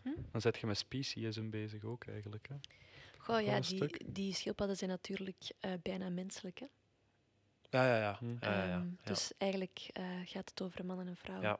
Maar nee, inderdaad, bedoel, je zit ja. met speciesm bezig als in van ehm, de, voor een stuk dieren gelijkstellen met mensen, mensen Ja, ja, ja. gelijkstellen met dieren. Daar ze- geen, daar geen onderscheid in proberen maken. Ehm, Ja, ik, zou het, ik, ik weet te weinig van speciesm om... ehm, Het is eigenlijk hetzelfde morele denkkader opleggen aan een dier. Ah en, ja, en, ja. en zeggen, ik, ik vermoord geen mens, dus ik vermoord ook geen dier. Ja. Ja. Want die hebben ook een bewustzijn. En Zegt eigenlijk het bewustzijn... die mug om vier uur s'nachts op mijn kamer. Ja. Nee, maar het is, het is het bewustzijn op eh, dezelfde hmm. hoogte Ja, ik heb niet vanuit dat perspectief dit gedicht geschreven. Ja. Ik had dat ook niet, dat was ook niet het gevoel dat ik kreeg toen, eh, toen ik het hoorde. Maar wel nu dat je het aan het uitleggen bent, van in Mm. hoeverre is dat dan bij die roodwangschildpadden, Jezus, Ehm, al dan niet met toestemming, al dan niet Mhm. met consent. Het deed mij daar gewoon aan denken. Het is een rare hersens, het is een Ja, raar is, hersenspinsel van ehm, mij. Eh, denk ik, ehm, het gedicht probeert iets in gang te zetten bij eh, degene, probeert een soort reflectieproces in gang te zetten bij degene die misschien over zijn eigen ervaringen dan mhm. of gedrag kan Ja. nadenken. Ik zeg, het, het ja. kwam wel binnen. Ja. Het kwam echt wel binnen. En, en desondanks dat je, ja, je bent niet de activistische dichter, dat is geen ambitie, denk ik, eh, bij jou. Maar ik voel wel meer dan in de vorige bundels, ehm, zoals als ik het juist uitspreek, terra preta. Ehm, ja, ik voel wel een, een- toch een meer, ja, moet ik het zeggen? eh, het, komt er, het is meer maatschappelijk op dat vlak dan, het is altijd maatschappelijk, eh, maar meer toch iets meer activistisch dan, dan dat ik het ooit al gelezen heb van ja. Het is toch, zit, ja, ik weet het niet. Er, zit er meer mee bezig, krijg ik de indruk. Of het is toch iets naar, naar een, een klein stapje naar boven gezet. Of naar voren gezet. Of Mhm. niet? Ehm,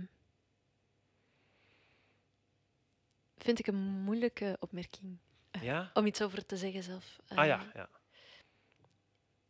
Het is niet bewust, alleszins. goh, ik heb niet bewust gedacht van nu en nu ga ik activistische Nee. poëzie schrijven. Ik vind poëzie tout court, engagement naar Ja. de wereld toe. En Dank soms zijn u. dat... Sorry. Dank- Dank u. Ik ben ook, mensen die zeggen mijn poëzie is apolitiek, ze zijn nog altijd politiek bezig. En je hebt nog altijd een engagement naar de wereld Ja, ja, toe. Ook al zeg je Ja. dat het niet politiek is. Ja. Dat, Ja, dat is deel van uw engagement. dus ik wilde, Ja. eh, denk ik, verduidelijken. Poëzie is sowieso Ja. een engagement naar de wereld toe. En ehm, wat je noemt het gedicht Terra Preta, dat is heel concreet. eh, Ja. Het stond een ook in de verwijzing naar klim- de... zwemlessen voor later. Ja. Hè? Ja. Is heel concreet een verwijzing Ja. naar eh, de boskap in het Mhm. Amazonewoud. Dus dat is een onderwerp dat om activisme Ja. vraagt. Maar ik heb zeker niet gedacht, ik ga nu ehm, over eh, activistische onderwerpen gedichten maken. Het is eerder andersom. Ja. Gedichten zijn het engagement. Oké. Is een zeer mooie zin om, om hier af te sluiten. Gedichten zijn het engagement.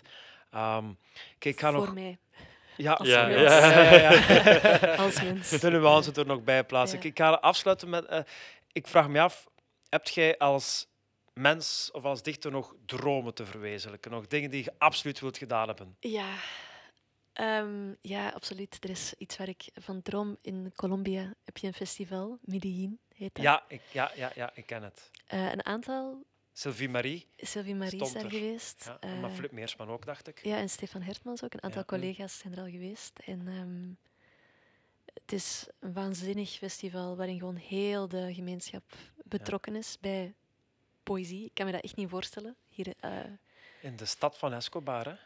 Ja. Uh, je gaat echt op een soort praalwagen door de straat. Of je, je, gaat in fabrieken wow. voorlezen. Awesome. En arbeiders kunnen ja. even goed als intellectuelen verzen citeren. Wow. Voetbalstadions, vol mensen vergaderen. Uh, allee, komen samen om uh, um, naar poëzie te luisteren. Ik vind dat een waanzinnig uh, utopisch me, idee. Als, als, ik me niet vergis, is het niet dat je daarbij moet zelf een vertaling van je gedichten in Spaans naar hun moet opsturen of zoiets? Of was dat niet voor dat festival? Dat weet ik eigenlijk nee? niet. Hoe, hoe raakt je daar binnen? Heb je daar een idee van? Uh, nee. Dus nee. bij deze een warme oproep uh, aan Sylvie, Filip en, en, mensen die er stonden. Hm. Zorg ervoor dat Charlotte er ook kan staan. Of ik moet gewoon gaan om zelf te luisteren, natuurlijk. Ja, dat kan. om gewoon dat is, uh, eerst even de, de sfeer zelf uh, ja. ja. Maar dat is een te droom. beleven. Ja, dat wil ik heel graag ervaren, die Mhm, plek. mhm. Ja. Ja, dat begrijp ik wel. Begrijp ik zeker. Um, kijk, dan um, ja, zit, zit het gesprek erop. Hartelijk dank, Charlotte. Um, wij gaan over naar het vrij podium. We hebben vandaag drie artiesten voor u. Monique Bol schrijft omdat ze het zonde vindt om poëzie in schriftjes te verstoppen. Ze won reeds verscheidene prijzen en is een klimaatdichter. Dit gedicht heet Gewonnen Bos. Gewonnen bos.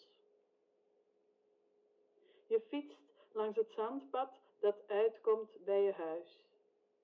Drie mannen praten met elkaar op de voorbank van een bestelbus. Je vraagt je af waarop ze broeien. Later staat waar het busje stond een bord. Daarachter kronkelt een nagelnieuwe wegel tussen stippen op stammen van berken. Het bos was er altijd al. Nu mag je er ook in. De stammen blinken als kool door eeuwig lichtgebrek.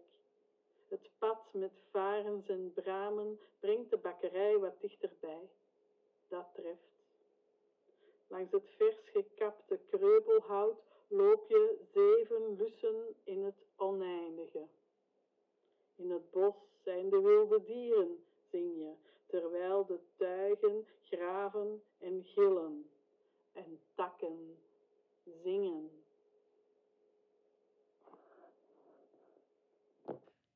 Saskia van Leendert is dichter en therapeut. In juni 2021 publiceerde ze haar bundel Restwarmte. Daarnaast is ze klimaatdichter. Hier brengt ze verlangen naar een noodrem. We tasten boven onze hoofden. De hemel stelt geen grenzen. Al wat ons omringt ontspoort. We zijn niets meer dan een gelukkig toeval. Alles gaat door en verder en valt uit elkaar op zijn ingebouwde tijd. Laat alles los. Ook wij kunnen niet overweg met zoveel ruimte. Onder ons beeft de aarde. Voel maar, je merkt er niets van.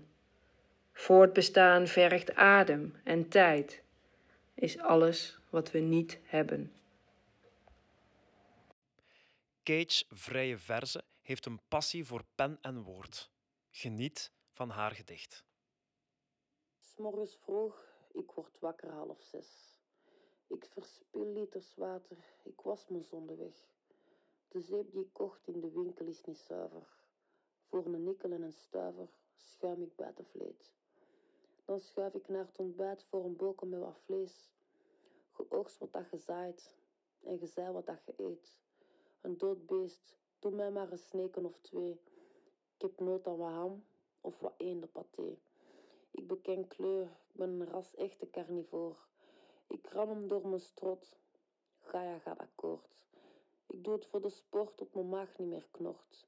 We spelen kat en muis op een ganzenbord. Alea ecta est. Wie gooit de dobbelsteen? We smijten grote ogen. Het westen doet daar best. De broeikasgassen warmen onze atmosfeer. Het effect van de uitstoot, te veel CO2. Ik zit vast in het verkeer, door ronkende wagens. Ze pakken op mijn longen, ik kan ze niet verdragen. Ik ben zuurder dan de regen, dat plakt aan mijn ruiten. Ik erger me steeds aan de drukte daarbuiten. Decibellen luid, waar mijn oren van suizen. Toeters en bellen, die chaos is waanzin.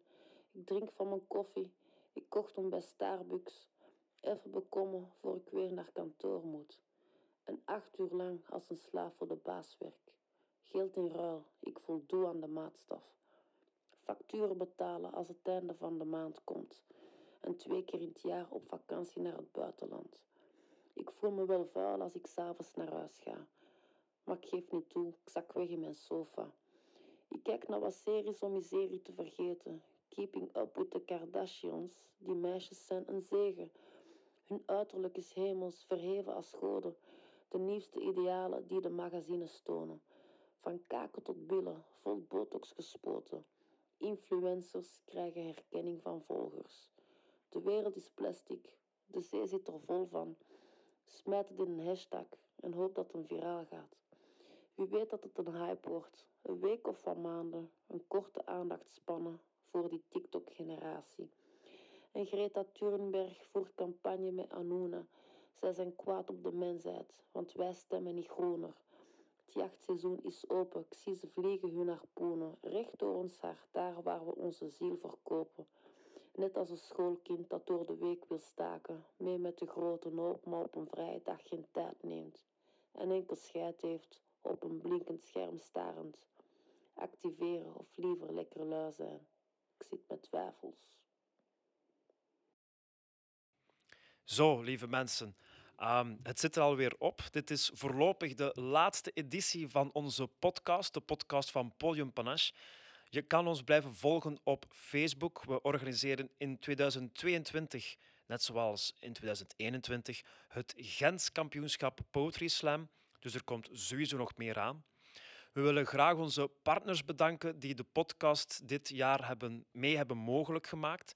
Uh, ons geliefd Poëziecentrum uiteraard in de eerste plaats, maar zeker ook uh, Literatuur Vlaanderen, Cultuur Gent. Een grote dank vandaag aan Charlotte van den Broek om erbij te zijn. Uh, aan de openmikers om in te zenden. Aan u, lieve luisteraar, bedankt. Wij zijn Sander... Ah, wat samen zeggen? Nee, nee, doe maar. Wij zijn en Kevin Amsen en u luisterde naar Podium Panache.